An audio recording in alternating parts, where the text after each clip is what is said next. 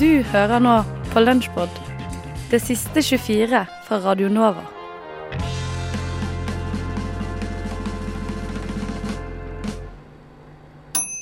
Klokka er iallfall ti, og det betyr et eget rom. Du hører på Et eget rom. Ja, klokken er ett minutt over ti, og du hører på et eget rom her på Radio Nova. God mandagsmorgen. Du hører på Radio Novas feministiske radioprogram. Eh, du hører på Radio Nova. Eh, et eget rom.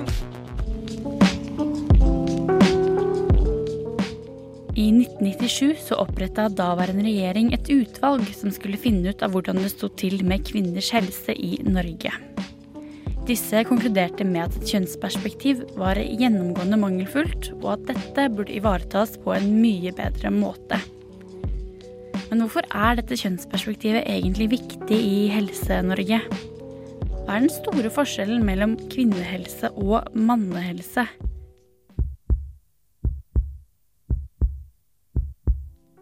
For å begynne ett sted der kvinner og menn er ganske forskjellige, la oss se på hjertet.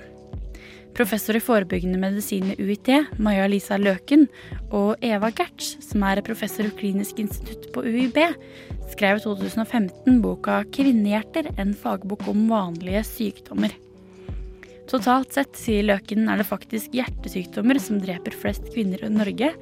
Og vi vet ganske mye om hvordan kvinner og menns hjerter skiller seg fra hverandre, men det vi ikke vet så mye om, er diagnose og behandling av kvinners hjertesykdom.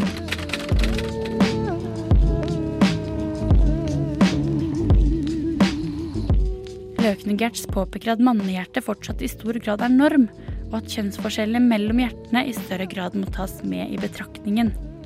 Knust hjerte og stress, som selv om det høres helt useriøst ut, faktisk er en mye vanligere årsak for hjerteinfarkt hos kvinner enn menn, bør f.eks. For forskes mer på.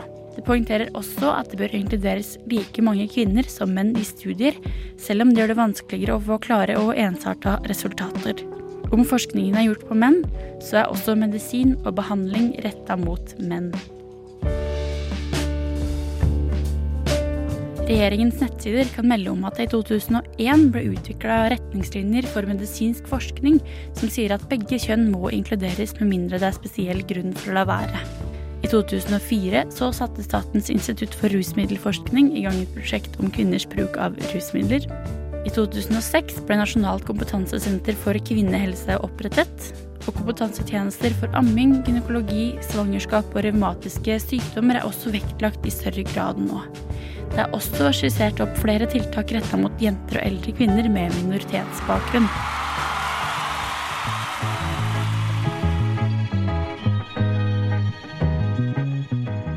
Dette høres jo bra ut, og det er det også, men mange mener at vi fortsatt har et stykke igjen å gå.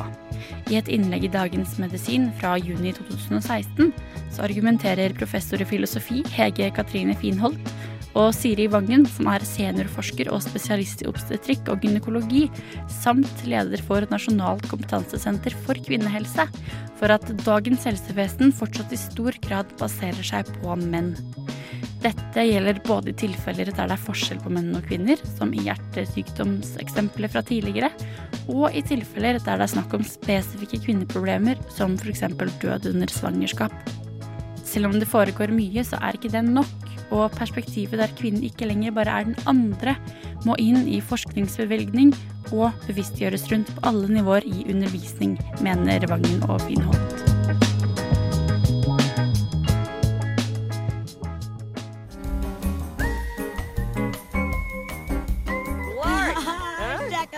Dune.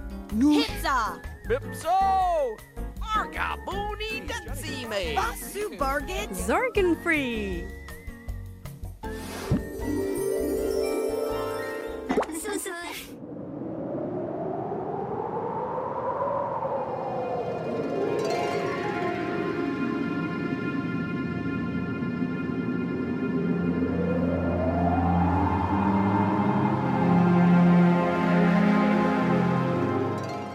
Forestill deg et utbrudd av en supersmittsom, dødelig sykdom i vår moderne verden som utsletter 70 av dagens befolkning.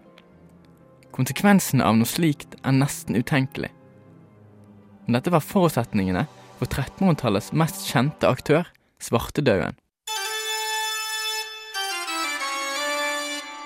Du, du, du, du, du.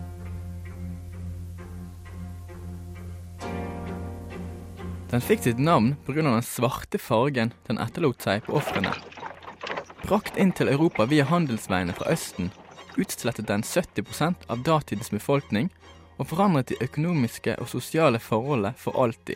Men svartedauden som historisk kilde har i ettertid blitt gjenstand for mange spekulasjoner, og mye av vår kunnskap, som selv står i lærebøker på grunnskolen, kan kategoriseres som mytologiske.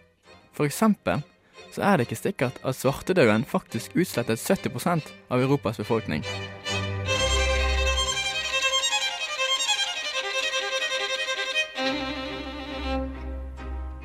Enkelte byer, som Firenze, kan vise til en dramatisk nedgang i innbetaling av skatt, som kan være en indikator på at de mistet over halvparten av befolkningen. Men andre byer i Europa, som i Nord-Tyskland, skal ha vært nærmest uberørt.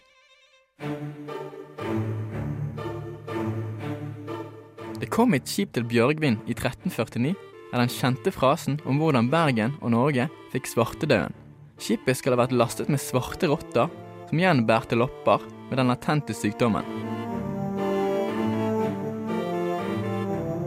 Men senere forskning viser at det ikke nødvendigvis var de svarte rottene som hadde skyld for smitten. Faktisk så er det ikke blitt registrert noen betydelig mengde rotter av noen 1300-tallskilde. Ideen om at rottene var smittebærerne, kommer av pandemier på 1800-tallet som skal ha vært forårsaket av rotter.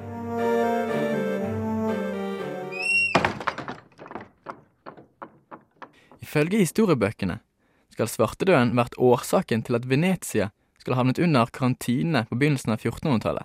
I 40 dager skal smittede og usmittede vært låst inne i byen. Lenge var dette ansett for å være første gang i historien at en by hadde blitt satt under karantene. Men den kroatiske byen Ragusa skal i 1377 blitt stengt ned pga. svartedauden og blitt satt i karantine i 30 dager. Ragusa var på denne måten revolusjonerende, da de gjennom karantine, registrering av syke og nye reisende kunne kontrollere sykdomsutbruddet. Ragusa er et tegn på at menneskelige tiltak ikke var forgjeves i kampen mot svartedauden. Svartedauden eksisterer fortsatt den dag i dag, men i langt mindre og ufarligere grad.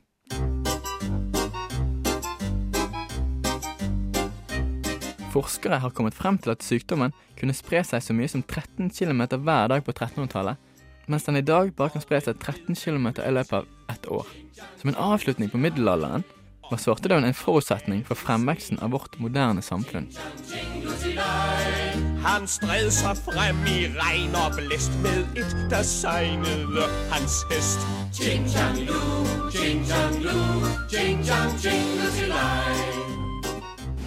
Og nå, nå nærmer det seg, nå nærmer det seg, nå nærmer det seg, nå nærmer det seg.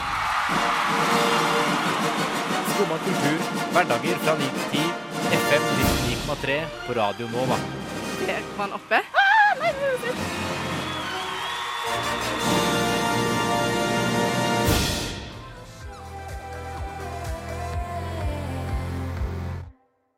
Det var Silja det med låta 'Dyrene'. Og jeg har jo vært og intervjua hun Øyen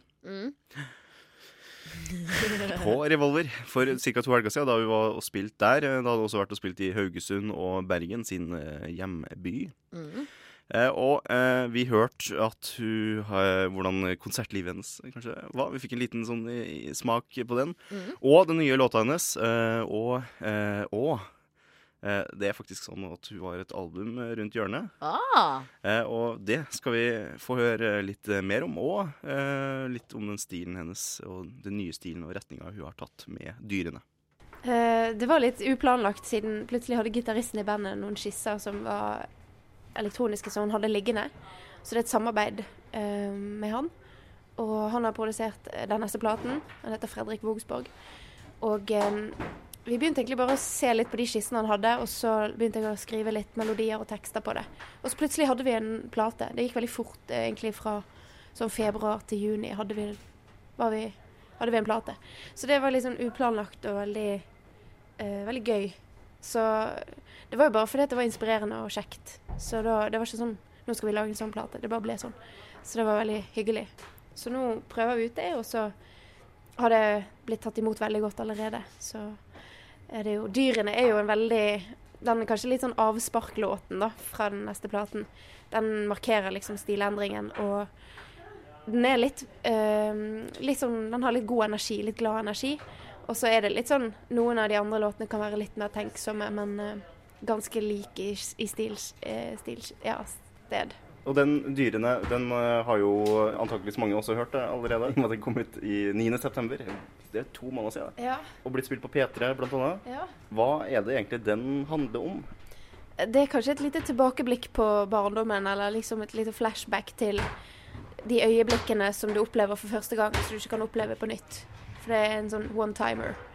Så det er litt det å Han handler på en måte om det at tiden går videre, og at man opplever nye ting. Og det er ikke alt man kan kontrollere. Så det er jo liksom refrenget 'se det, se det bare skje'. Så må man bare finne seg i at man går fremover. Og så kan man huske de gode tingene samtidig. Hva vil du at folk eh, skal føle eh, når de hører den her? Eh, vil jo at låten skal vekke noe i folk, men nei, litt glede, litt nostalgi kanskje. Og, og kanskje bare mest glede, da, egentlig. Du, jo, du, du nevnte at uh, plata kommer etter nyttår. Uh, fordi dyrene er jo bare ett lite skritt på veien uh, mot en full, et fullt album. Og uh, hvordan, hvordan går det? Hvordan ligger det an der? Så platen er for så vidt klar. Så vi har laget rekkefølgen, alle har fått navn. Og platen skal hete Ni liv. Og ja, jeg, jeg er veldig klar nå. Nå er det bare på en måte Ja. Gleder meg. Hva, kan man forvente her nå? Eh, Du vil jo kjenne igjen eh, litt Silja-preg Altså de som har hørt eh, de første platene, vil jo kjenne igjen tekster og melodi og fortellerstemmen. Um, det er fortsatt uh, mye tekst og små finurlige historier, og så er det et veldig fint uh, elektronisk lydbilde som ligger under, og jeg syns det samarbeider veldig godt med vokalen, som på en måte ja, ligger oppå det igjen og flyter fint. Jeg, jeg liker det. Jeg er veldig fornøyd sjøl og eh, ja, veldig spent på å få lov å slippe det. Så. I forhold til eh, de to forrige albumene, hvordan har det vært å lage den- her som, eh, som en kunstner?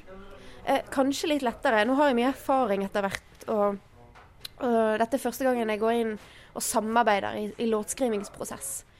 Eh, så de to første platene så har jeg skrevet alle låtene, og mye av arrangementene har jeg gjort, vært med på å lage og alt det der. Mens nå har vi på en måte Jeg har stått mest for melodi og tekst, mens Fredrik har laget eh, liksom eh, Ja, det elektroniske lydbildet i bakgrunnen. Så det har vært veldig gøy og, og ja, veldig lett og kreativt. Det var veldig sånn mye energi, så det gikk veldig fort. Du har, du har fått god, eh, mye god kritikk for de forrige albumene. Hvordan har det påvirka deg nå, frem mot det her? Man blir jo enda mer nervøs da, for altså, folk følger med og sånn. Men eh, jeg tror eh, Altså, jeg, har, jeg bare gjør det jeg liker, og så håper jeg folk kjenner seg igjen i det jeg sier. Og, og det er på en måte målet, da. Så gleder meg veldig til å slippe det. Så håper jeg folk også liker det de hører. Jeg så jo forresten, eh, snek på Facebook-sida di, eh, at eh, låta di 'Stemning' var, en het kandidat for å bli Bergens tristeste låt. Det er jo i en by hvor dere har eh, Jan Eggum. Jeg tror det var han som vant med seieren. Jeg tror jeg kom på andreplass i den kåringen der. Eh, bergenske, triste bergenske sangen noensinne. Stemning, liksom. Så det er jo Men eh, nå når vi spilte den på Hulen for to dager siden, så var det jo full allsang. Folk er jo veldig Det er en veldig fin stemning i den stemningssangen. Men eh, og hvis du skal svare din egen låt da, for hva som skal skje framover, hva svarer du da? Nei, hva skal skje? Det er jo bare å eh, la ballen rulle videre og skrive så mye som mulig, spille så mye som mulig ute. Og så er det jo hovedfokus på plateslipp. Du fortalte meg at veien blir til mens man går. Det har blitt vinter, og mange av oss lider av noe som så fint heter vinterdepresjon. Her kommer tre anbefalinger som kan gjøre den mørke tida litt lysere.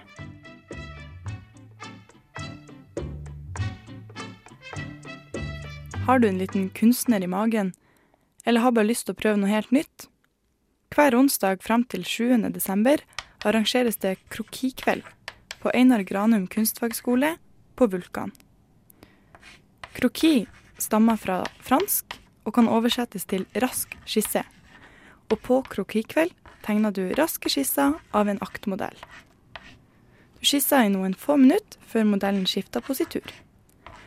Ta med skisseblokk, blyant eller kull, og dra til Einar Granum kunstfagskole vis-à-vis Westerdals på Vulkan.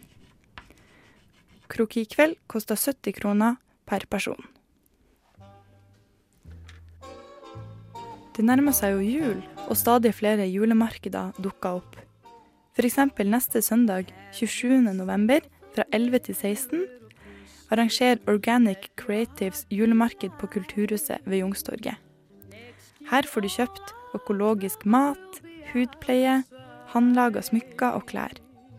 Og kanskje blir du inspirert til å lage dine egne hjemmelaga gaver? Da vil jeg anbefale deg å søke opp på internett og finne oppskrifter på både hjemmelaga skrubb, såpe, julegodteri, kjøkkenhåndduker og masse, masse mer.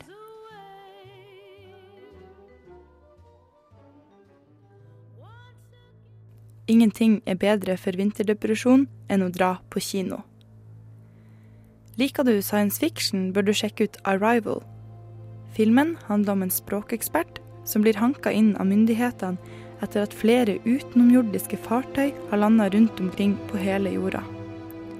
Vesenene i fartøyene prøver å kommunisere noe, og språkeksperten får i oppdrag å forstå hva de vil. Er de fredelige, eller er de fiendtlige? Og hvordan kommer f.eks. Russland og Kina til å angripe denne situasjonen? Er du heller en Harry Potter-fan, så bør du se Fabeldyr og hvor de er å finne. Etter flere år blir man igjen invitert til den magiske verden til JK Rowling. Denne gang befinner vi oss i New York. Herr Scamander har reist jorda rundt på jakt etter noen magiske dyr. Han har pakka de inn i en liten koffert, som selvfølgelig er veldig stor fra innsida.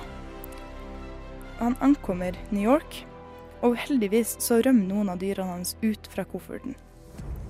Scamander må prøve å få tak i det igjen før politiet fakker han.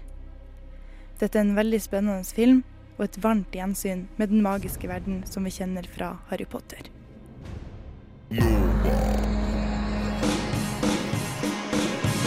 Du har hørt en podkast fra Radio Nova. Likte du det du hørte? Du finner flere podkaster i iTunes og på våre hjemmesider radionova.no. 差不多